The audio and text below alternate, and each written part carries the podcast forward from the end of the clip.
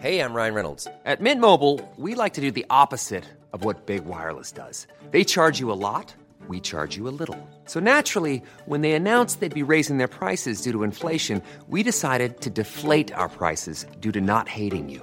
That's right. We're cutting the price of Mint Unlimited from $30 a month to just $15 a month. Give it a try at mintmobile.com slash switch. $45 upfront for three months plus taxes and fees. Promo rate for new customers for limited time. Unlimited more than 40 gigabytes per month. Slows. Full terms at mintmobile.com.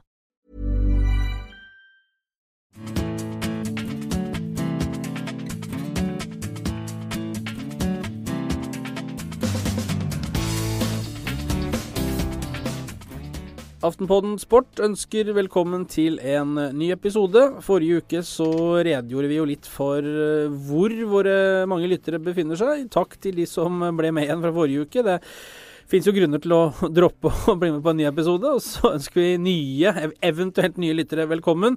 Vi er selvfølgelig ydmyke for alle som hører på, og bukker i kor her i studio. Hvor vi i dag kan glede folket med herrene Bertil Valderhaug og Lars Kjernås. Begge smale i blikket etter å sitte oppe en del netter nå for å se NBA-sluttspillet ferdig. som vi endte med LeBron James og Cleveland Cavaliers triumf i sjuende match i, i kurvball. Utfallet var vel som ventet, mine herrer? Ja, selvsagt. Kurvballguttene var eh, flinke til å kaste ballen i kurven, og riktig lag vant og alt det greiene der. Flere, flere fulltreffere der enn i eh, fotball-EM hittil, da. Det kan man si. Ja, Men fornøyd med at eh, LeBron tok dette hjem, skjønner jeg da. Det Ja. var liksom, ja.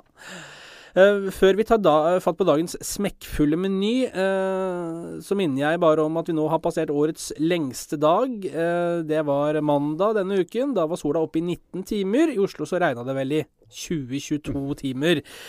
Og da vet vi alle at nå drar det seg mot vinteren og den kalde, fine tida. Det er vel oppmuntrende for uh, opptil flere her i studio å vite at de smørefrie skiene snart skal få slitt seg rundt Blankvannsbråten igjen. Ja, har du begynt med den mobbe- og hetsekampanjen igjen? Jeg har, eh, jeg har skøyteskier nå, så nå er det helt slutt på eh, Helt slutt på smøring. Ja. I hvert fall på ski. Akkurat. Ja. Lars, du ser frem til å kunne dra på litt uh, feste rundt uh, Blankvanns. Vi som er kalvbeint, vi, vi skøyter ikke. Vi går, vi går vanlig klassisk, bare for å slå fast uh, det. Truge er et er alternativ i. Lillemarka. Ja. En drøy tur opp til Bråten der og tilbake med truger, da. Ja, Litt sånn i, klassisk bord, i hvert fall. Ja, Så, ja. best, i, best i klassen mellom eh, 50 og 60 år. Truge. Carl Kviklund, har du hørt noe mer fra han, eller? Kviklund eh, lader opp noe til å prøve å henge med meg i det jeg slår om med, med og han med skøyteski. Det kan bli jevnt. I det rykket går I der, rykket så går, ja.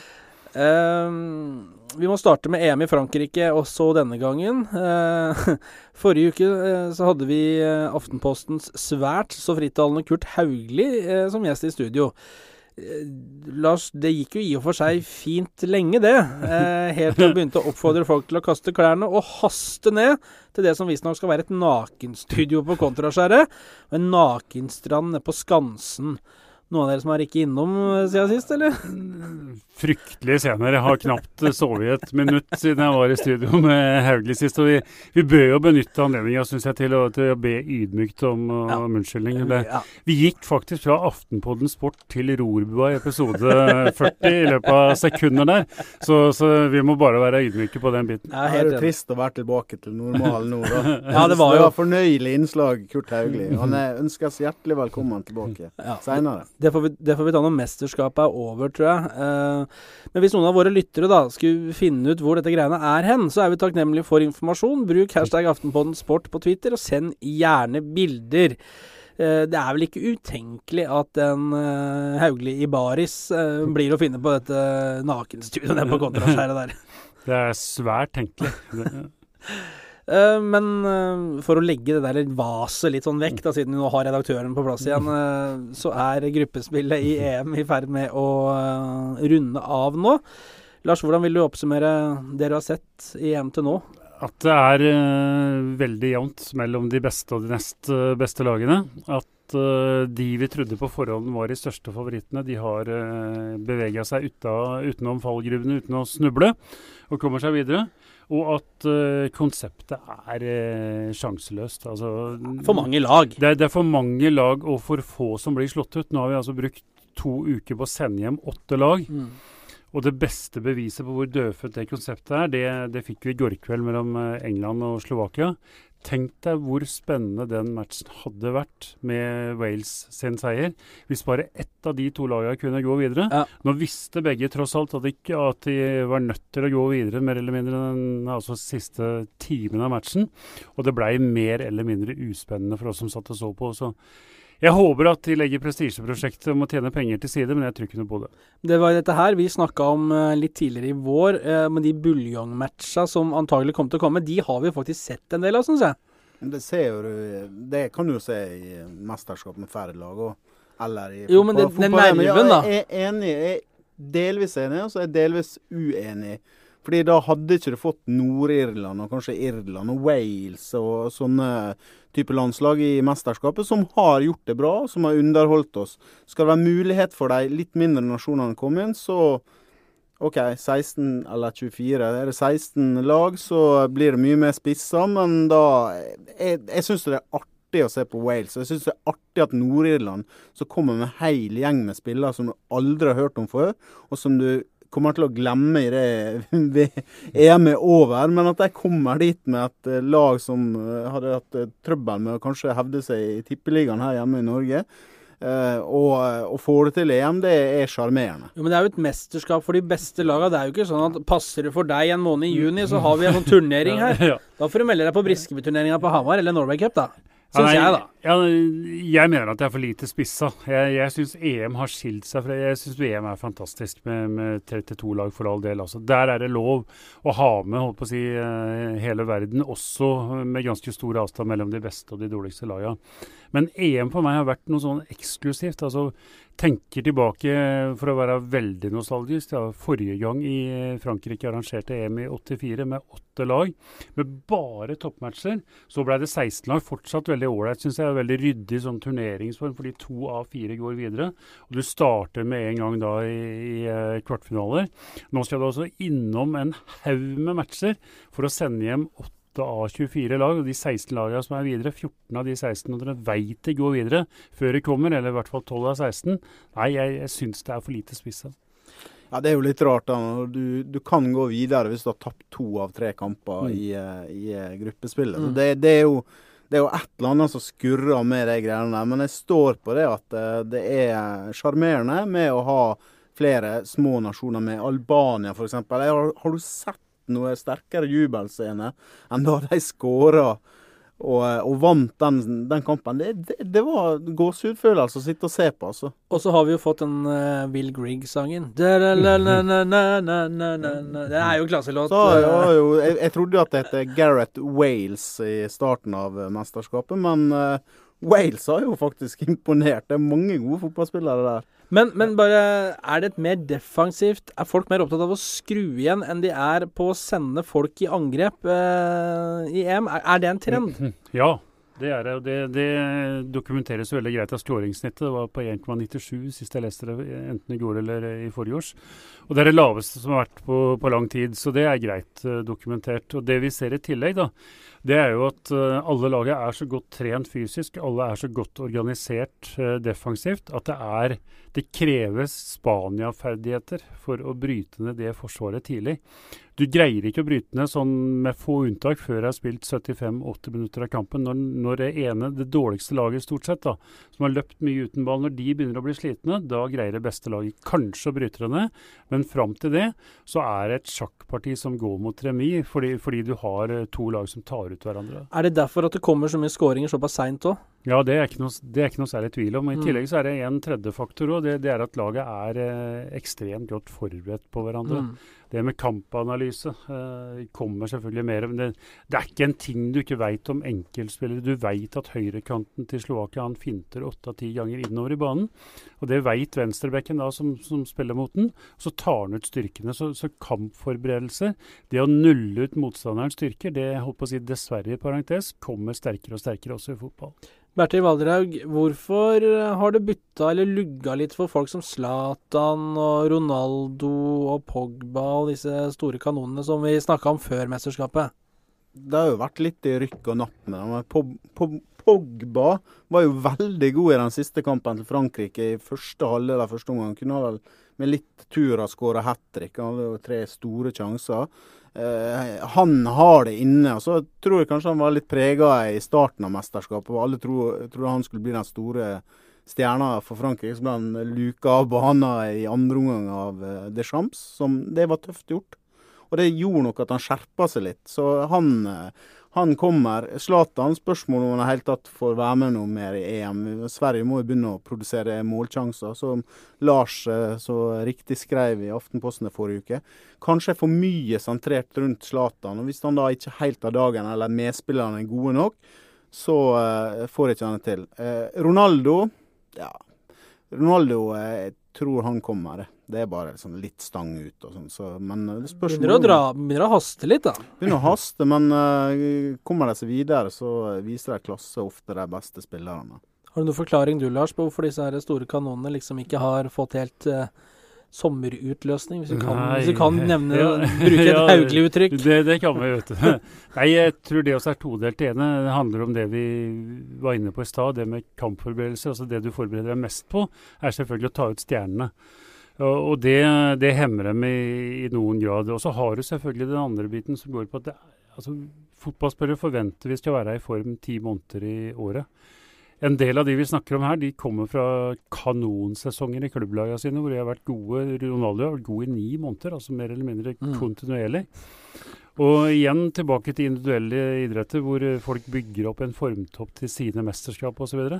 Høydepunktet for Cristiano Ronaldo og de spillere som spiller i Real Madrid og de beste klubbene, de kommer egentlig hver uke, mer eller mindre. I hvert fall på vår når det er Champions League.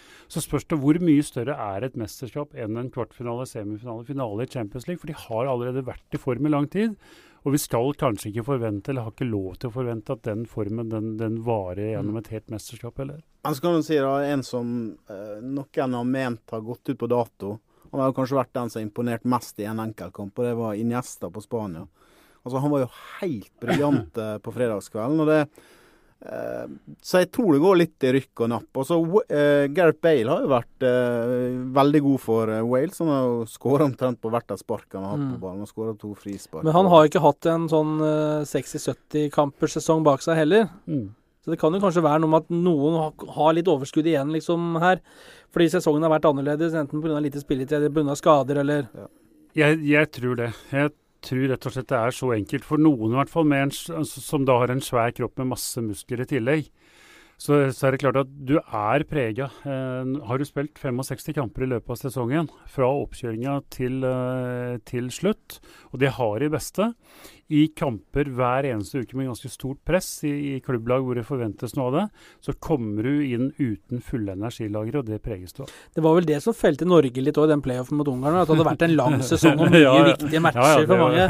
Det var det. Eneste grunn, selvfølgelig. Ja, da hadde vi både serie, cup, kvalik til Europa Det blir mye. Det gjør det. Men Glemte å ta ut spiss i tillegg, da. Det glemte du. Men for å forsvare Norge litt, da. Vi har vært ganske krasse og mener med rette faktisk mot det som skjedde i playoffen. Men det har jo vært en oppreisning, da, det som har skjedd i EM. Ja. Fordi de lagene som slo oss ut, Italia, Kroatia og Ungarn, til og med Ungarn, har sett mye bedre ut enn ja. i hvert fall jeg trodde, og sikkert mange andre med meg. Ja, Så øh, det var kanskje ikke så hakkande gærent at det ble tap over to matcher mot Ungarn. Skulle endelig oppreisningen komme her nå, da?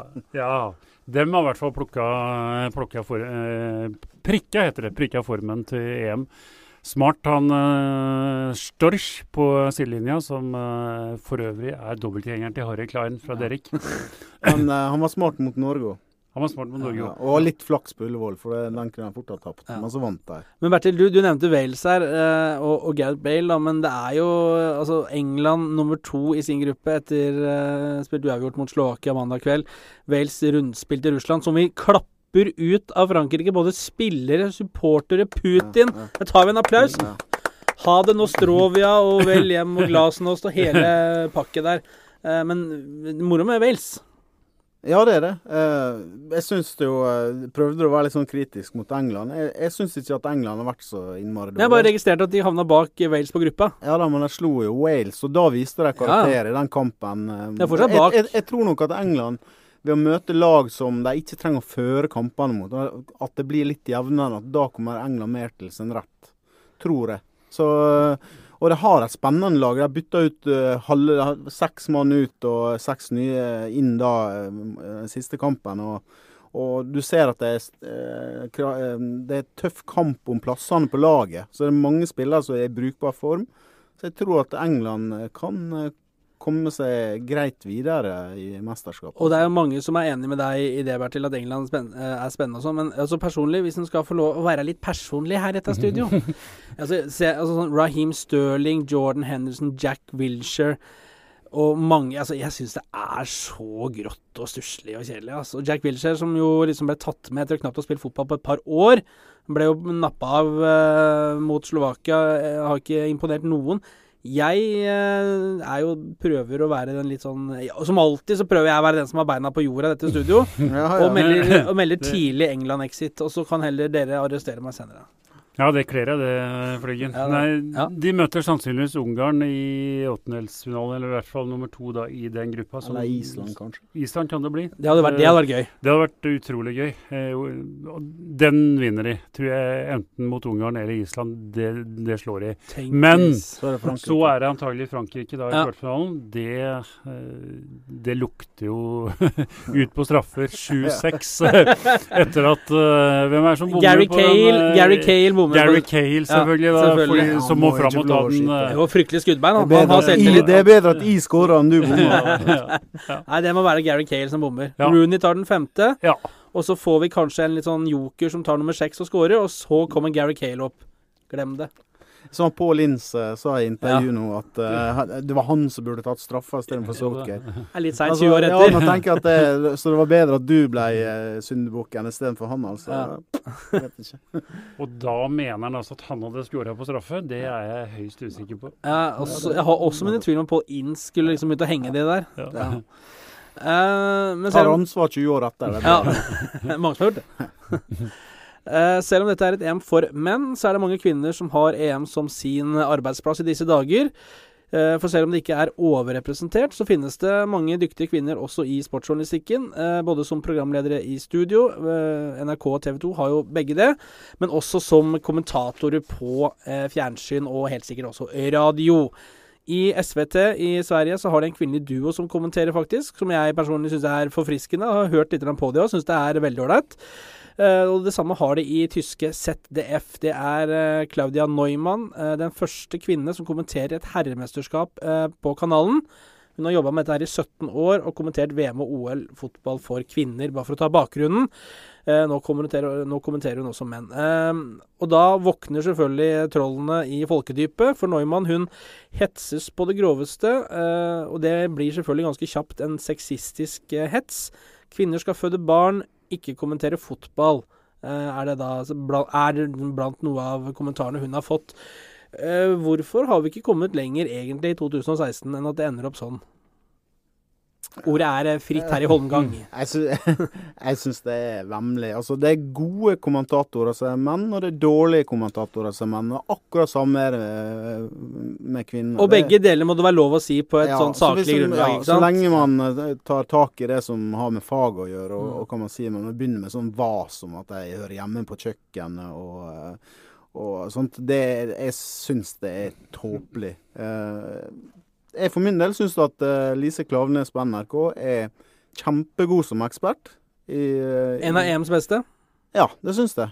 Helt uavhengig av kjønn. Jeg syns hun er kjempeflink. Og kjønnet er da egentlig helt uinteressant, ja, sånn helt, sett. Hun melder bra, ser, ser, gode ting som du kanskje ikke har lagt merke til, og uh, gjør det litt klokere. Og, og det, er jo, det, er jo, det som er poenget med en ekspertkommentator. Ja. Det kan jo Lars svare på, som har sittet på TV i mange år. Ja, men det er liksom det det handler om at hun tør å mene, og er ikke så opptatt av hva, hvor folket går hen og hva. Men, men hun, det hun ser, det melder det. Men det er jo sånn tendens på sosiale medier at man tar ikke ballen, man tar mannen, eller i dette, dette ja. tilfellet er da kvinnen.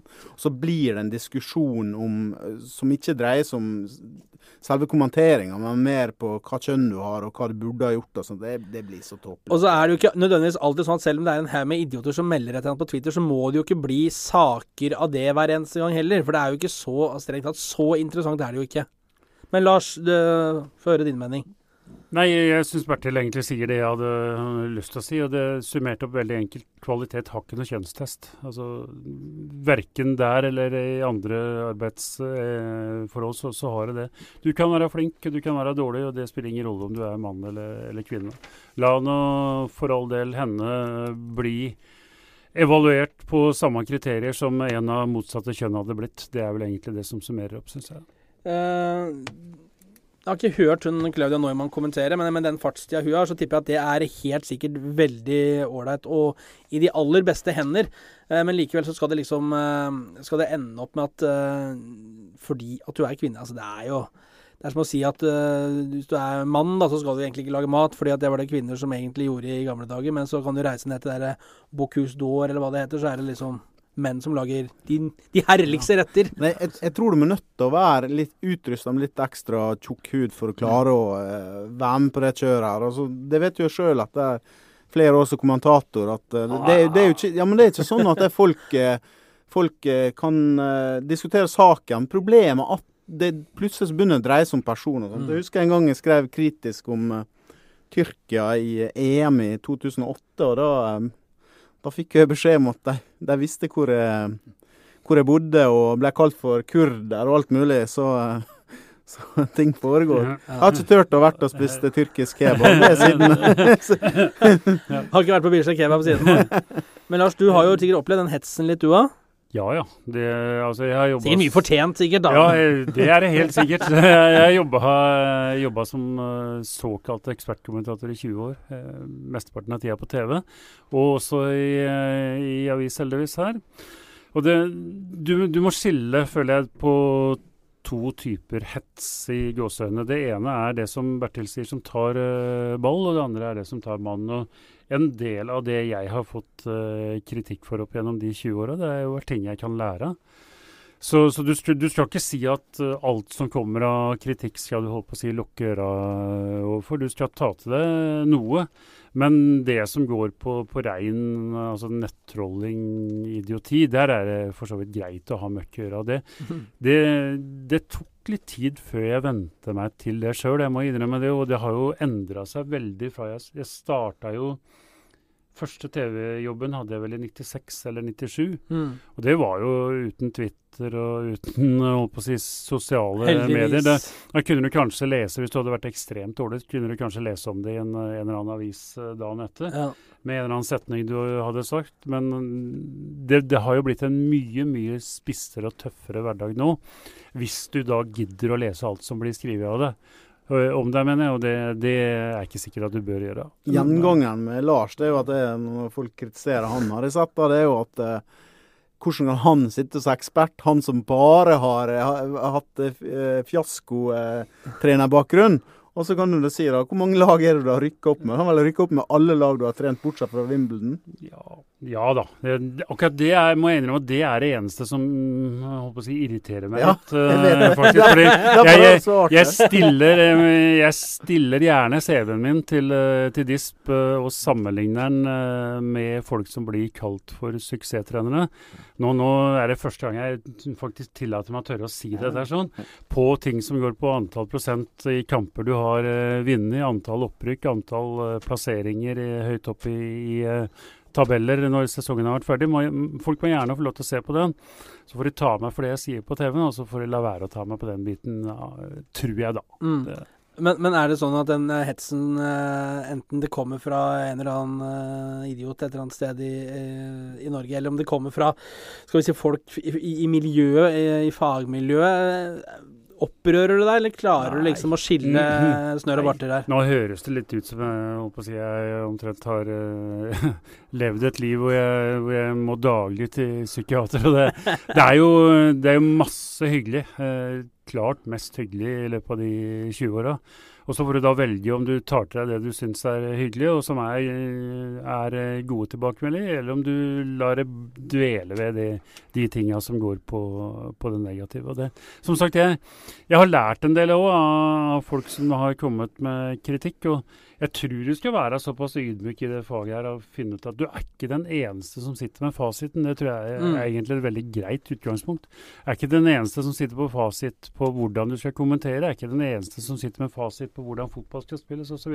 Mm. Da tror jeg du, du får et greiere liv på mange måter. Men det er som Eggen sier. Jeg har rett likevel. Ja, det, ja da. Jeg har rett. Men Lars, vi må, vi må snart få deg tilbake som ekspert på TV, så erstatte noe av dette andre som eh, fløy rundt der. Um, Der kom hetsen. jeg var jo, det var jo ros til Lars. Ja, ja, men jeg måtte tråkke på noen for å framheve han. Ja, Ja, sånn, ingen nevnt, Nei ingen glemt. Nei, det er sant. Um, som jeg har allerede satt tonen, at det nå drar seg mot mørkere tider. Det er vi jo glad for, vi som er glad i høsten og de innekvelden hvor man kan titte ut på Nei, det ja. Um, men det betyr også at høstsesongen her hjemme nærmer seg. Vi skal snart i gang igjen med det. Uh, og denne uken så ble det klart hvilke klubber de norske lagene møter i sine kvalikmatcher til spill i Europa. Rosenborg skal ut mot regjerende seriemester i Sverige, Nordkjøping. Det er i andre kvalikrunde til Champions League. Eh, I kvalik for spill i Europaligaen møter Odd finske Mariehavn på idylliske Åland, nummer to eh, på tabellen i Finland. Stabæk møter, og nå skal vi ta sats, Konas Quay Nomads fra Wales. Wales, faktisk. Wales, som ligger på nummer fire på tabellen i Welsh Premier League. Eh, Det er første kvalerunde, og så Godset møter Sønderjyske i andre kvalikrunde til Europaligaen. Skal vi bare puste? Og så skal vi spørre Lars Kjernås om sjansene for å få noen lag med i noe gruppespill. Jeg har en jobb da med speiding i Brann som gjør at jeg faktisk har sett tre av de fire ganske ofte. Både Mariehavn, Sønderjyske og eh, Norrköping. Så hvis jeg skal driste meg til, eh, til å spå litt, så Rosenborg sa sjøl at de skulle Eller noen sa at de skulle være klart bedre enn Norrköping. Det er ikke. Nei, det De er nå, eh, bare så det er klart, Norrköping er gode, spesielt hjemme på kunstgress. regjerende seriemester Så i Sverige. ja, nå har de mista én god spiller i islandske Traustason. Kommer antagelig til å miste kanskje en Kujovic, som er toppskåreren eh, der. Så mister de han i tillegg, så er det klar fordel eh, Rosenborg. Men 55-45 Rosenborg, hvis det går an å si noe sånt. Sønderjyske er gode. Eh, ble nummer to i Superligaen i, i Danmark. Har bl.a. Uh, veldig gode spisser. Jeg tror faktisk, selv om det er utenom sesong da, som gir Godset en fordel, så tipper jeg 55-45 til Sønderjyske fordel. Mm.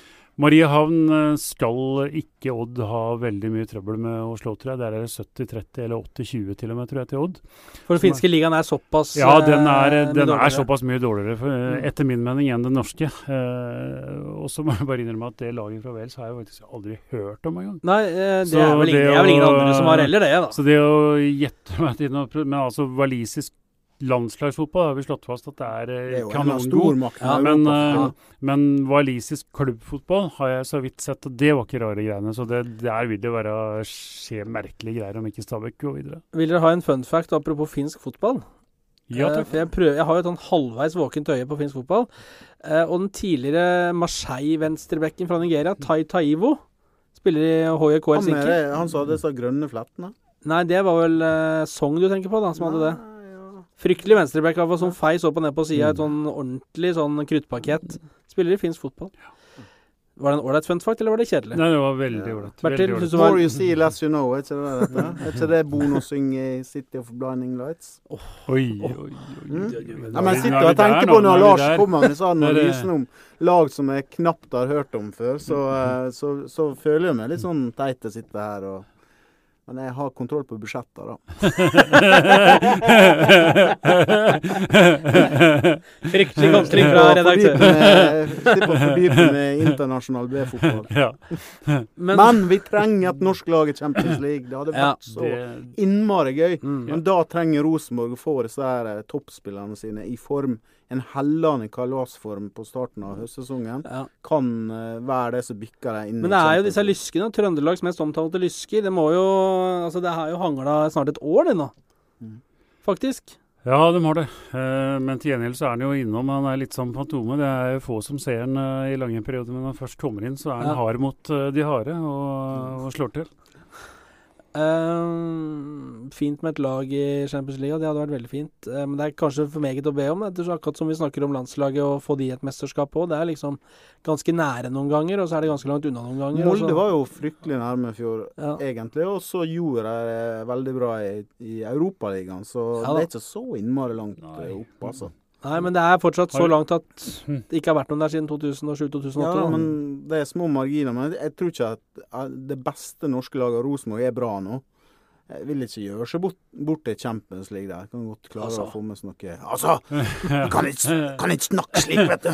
Altså.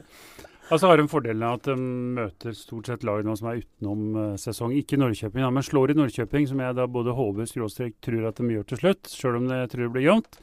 Så eh, hvis du, har, hvis du har flaks med trekninga du, du kan få noe lag der som Rosenborg selv på sitt beste ikke slår, tror jeg. Men har du litt flaks med trekninga, så er det søren ikke umulig at de tar seg til Champions League. Det hadde vært deilig. Før eh, vi kan begynne å glede oss til eh, tirsdags- og onsdagskvelder eh, okkupert fra klokka åtte til midnatt med Champions League-ball, så er det et eh, mesterskap igjen. Eh, da kommer OL i Rio, eh, og nå begynner den norske, for, norske, norske formen, får vi håpe at begynner å nærme seg. Den norske troppen begynner å ta form. Blant eh, annet er de som skal forsvare Alexander Kristoffs OL-bronse på fellesstarten i sykkel fra OL i London i 2012 klare, med Boasson Hagen og Lars Petter Nordhaug i spissen. Men også håndballjentene, eh, karer. Der er troppen klar nå. Og der eh, Det kanskje mest oppsiktsvekkende er vel at Linn Kristin Rigelut Koren, som er med, som ble mamma vel rett før jul, nå skal spille OL i august-september. Det er jo ganske sjukt, faktisk. Ja, det er sterkt. Jeg er ikke så veldig ekspert på området, men eh, det er sterkt, det. Du, du ser jo at eh, det er mange som prøver å komme tilbake igjen ganske fort. og sånn. Marit Bjørgen har ikke helt klart det. Hun har fått litt sånn smårusk og småskader og sånt. Men det er, jo, det er jo mange som har kommet tilbake og, og eh, prestert på høyt internasjonalt nivå. Så Men det er vel kanskje vårt sikreste medaljekort i håndballjentene? I en Ja, eh, litt det er- sånn grå sommer-OL-hverdag som det det har er blitt for den eneste virkelig gullkandidaten. Og så Ja. kan jo hende Tufte og, eh, og rokameraten kan få det til, pluss en eh, skyter. Skytter heter det vel kanskje. Skyter, det, ja. En skyter, det, er- det, det er vel det. Hva konkurrerer men- du med, Ola? Jeg skyter. Men uh, ja, det er vel spådd Ja. at det skal bli det dårligste sommer-OL sett med norske øyne noen gang. Så Ja, for at det dårligste- Det dårligste som har vært siden vel 1984 OL. Eh, I 84 i Los Angeles så tok Norge eh, tre medaljer. I OL i London så tok Norge fire medaljer, hvis eh, papirene her nå er riktige, og det er det jo selvfølgelig. Eh, det er kun to gull eh, i London. Eh, da var det Erik Verås Larsen på padling K1 1000-meter og håndballjentene. Men kan vi Er det er det noen grunn til å håpe på at det skal bli noe mer? Jeg satt og prøvde å forberede meg litt i går eh, og gå gjennom de forskjellige kandidatene vi har. og Jeg fant ikke mange, dessverre. Vi har vært innom dem.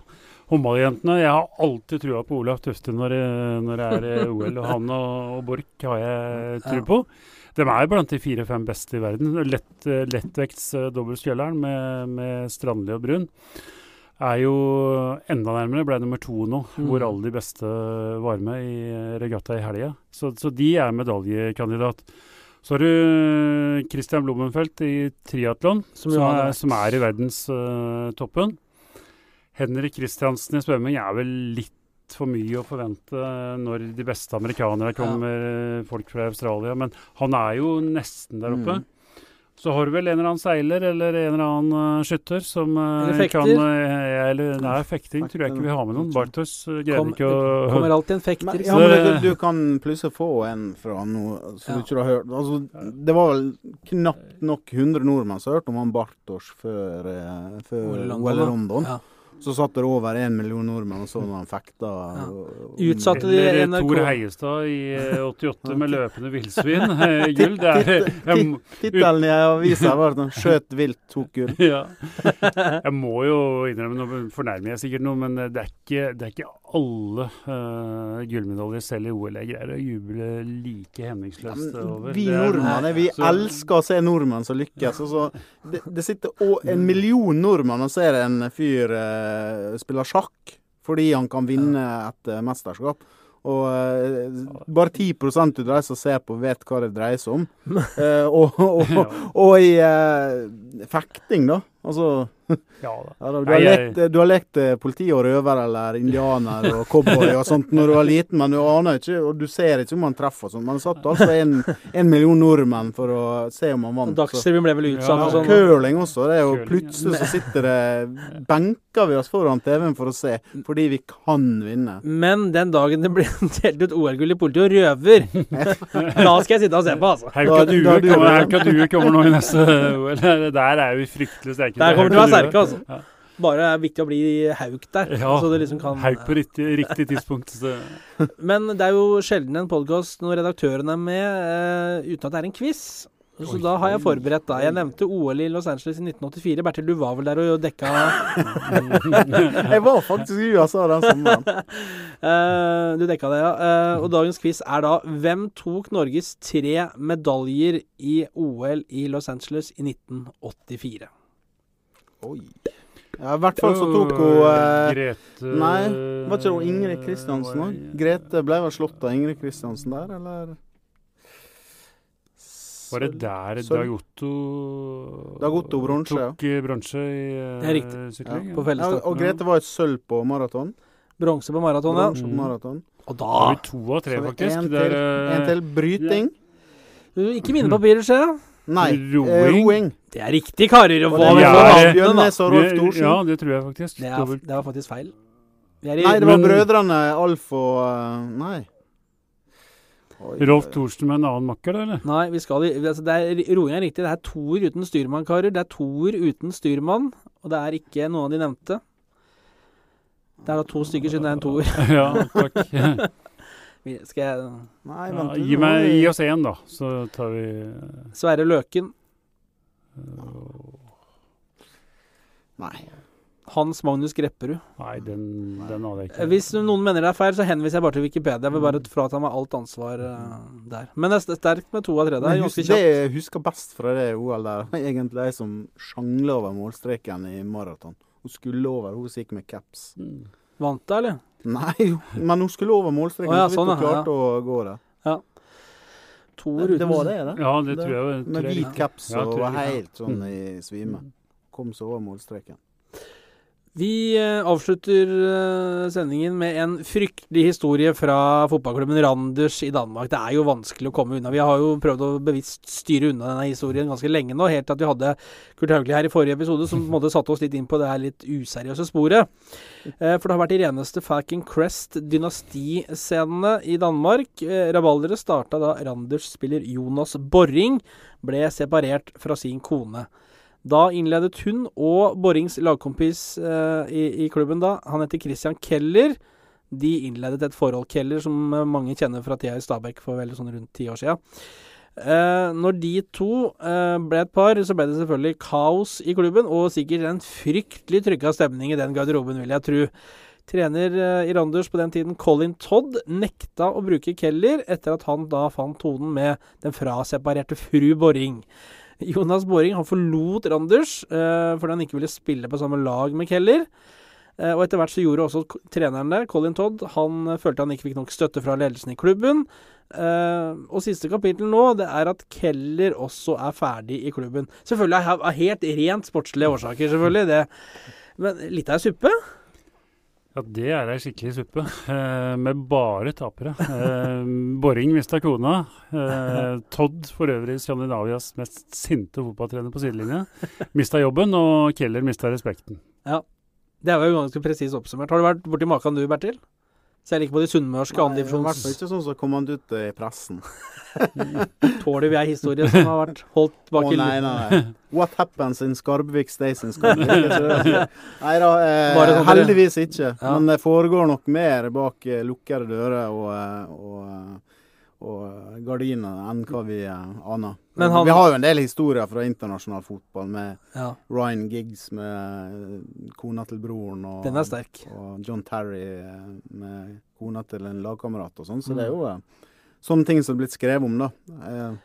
Rooney har vel smakt litt på diverse sånne utlånsvarer, skal vi tro sladrepressen. Men eh, fryktelig av Keller her å gå, gå til på da fraseparerte fru Borring, da. Crazy Keller Nei, hva heter det? Christian Keller. Crazy, vil de skal ha sånn herre Nei, men det er jo Det er ikke noe sånn toppmoral. Ja, tenk hvis det er love of the life, da. Kjærligheten, den store kjærligheten. Da ofrer han karrieren sin og satser på dama. Det ja, ja, men da kunne han kanskje hadde ikke, han kunne ha gått kunne ha gjort det litt mer sjøl, er det du mener? en, Ja, det kunne han jo selvfølgelig gjort, men han kunne jo kanskje da stikke fra Randers uh, tidligere, da. Mm. Så slapp han å ødelegge for en eh, først Ja eh, heartbroken boring som Fin by, vet du. Sikker det er ikke, mange- er ikke fra Randers uten å ha en god grunn til Anders! der- du, det er veldig mange fisker i havet. Du trenger ikke å velge den som er aller nærmest, da, eller egen den. Det går an å gå Trenger ikke å ta ved siden av, eller noe sånt. Trenger ikke å ta eksen til han som sitter ved siden av deg i Garderen, liksom. Har du, du har jo trent mye rart, Lars. Har du Vi, har jo, vi, vi, vi elsker Wimbledon-historiene Ja, ja, her, men det- var det noen fryktelige runder der? Nei, det er i hvert fall ikke som vi tar på lufta her. Det, det tror jeg vi står over. Det, nei da. Det, det er en spesiell historie. Eh, og sånn som det endte, er en dum historie. Men det, det var ikke sånn at du og Drillo måtte måte betale for minibusser av damer som var geleida inn i garderoben? Ja, det har gått meg forbi eventuelt, hvis det, hvis det Så, så, var det møte med Hartsen og Drillo nå fra, eh, Ja, det var fra fint. EM. Det var veldig fint. Ja, det var fint, da. Der tok han veldig selvkritikk, Hartsen. da. Ja, men han er jo en, han er jo en uh, god gutt på, på bunnen, eh, John Hartsen. Eh, og det, det mener jeg, det er ikke fleipete uh, sagt i det hele tatt. Han, han har jo et litt sånn bøllestempel, men han er egentlig en suveren fyr. Jeg ble til og med bedt i bryllupet hans. Hadde ikke anledning til å dra, men jeg hadde og har fortsatt, holdt på å si, via Twitter. Et, eh, et veldig godt forhold til, til John Hartsen og møter han av og til når jeg er i England, og det er trivelig. Men det er jo sånn rart, for det, det er enkelte som er veldig trivelige utafor banen. Og så når de får på seg knottesko og utpå der, så svartner det sånn. PP, eller? Jeg vet ikke Eller- han er så veldig Eller Pep, som, trivelig. eller Pep, som han heter nå, har vi hørt. Er han veldig trivelig utafor, òg? Jeg han, er, han er visstnok det. Altså, de som kjenner uh, interne livet i Real Madrid, sier at han er den mest ydmyke, ålreite fyren. Så den som stopper uh, overfor supporterne når de kjøres inn og ut av treningsanlegg, går ut og er uh, holdt på å si, buddy blant dem, tar seg tid, og er visst en, en kjempefyr utafor banen. Og vi har jo slått fast noen ganger at det er han ikke på banen. Nei. Men altså, denne diskusjonen om hva, hvordan navnet skal uttales eh, altså, Det er jo noen som hevder at den heter Pep, men der mener jeg at når han er på sitt verste, så er det jo mer papp. Er det, kunne det, Laslo Papp. la, ja, Mm. men kunne det vært en vinner, føler vi? Er det, en, er, er det noe å tvitre liksom, når det stormer? Får man noe respons på den, eller er det, Nei, jeg tror det. det er for tynt? Ja. Send den til deg sjøl, på Ja. kladd. Kan gjøre.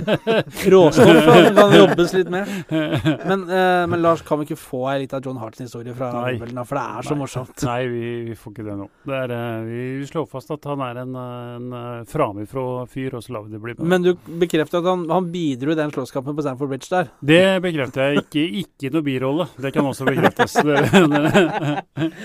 Det- Dennis White var vel fort eh, framme i eh, Dennis Wise starta hele greia, Ja. faktisk. Hva er det det starta med eh, igjen? Starta med at Dennis Weiss helte ei tiliters tønne med, med appelsinjuice av alle ting over huet på Ken Cunningham. Fantastisk start på en uh, slåsskamp. Snill Hvor Kenny Cunningham. Ja, Kenny var jo totalt uskyldig, men hadde Ja. da på et eller annet vis trukket opp uh, Dennis Weiss, som uh, ifølge da mange andre kan starte en krangel i et tomt rom. Og det, det var altså nok til at eh, det ble satt fyr på hele greia. Ja, da, og da smalt det. Og da smalt det ordentlig. Og da ble Kjernås med òg. Ja ja, etter hvert så ble jeg det. Det var jo en. Ja, den historien her, den skal vi høre flere ganger. Altså. Eh, Nå kom det faktisk inn en melding her om at eh, Christian Keller og hans uh, flammefru Boring er observert på Kontraskjærets nakenstudio.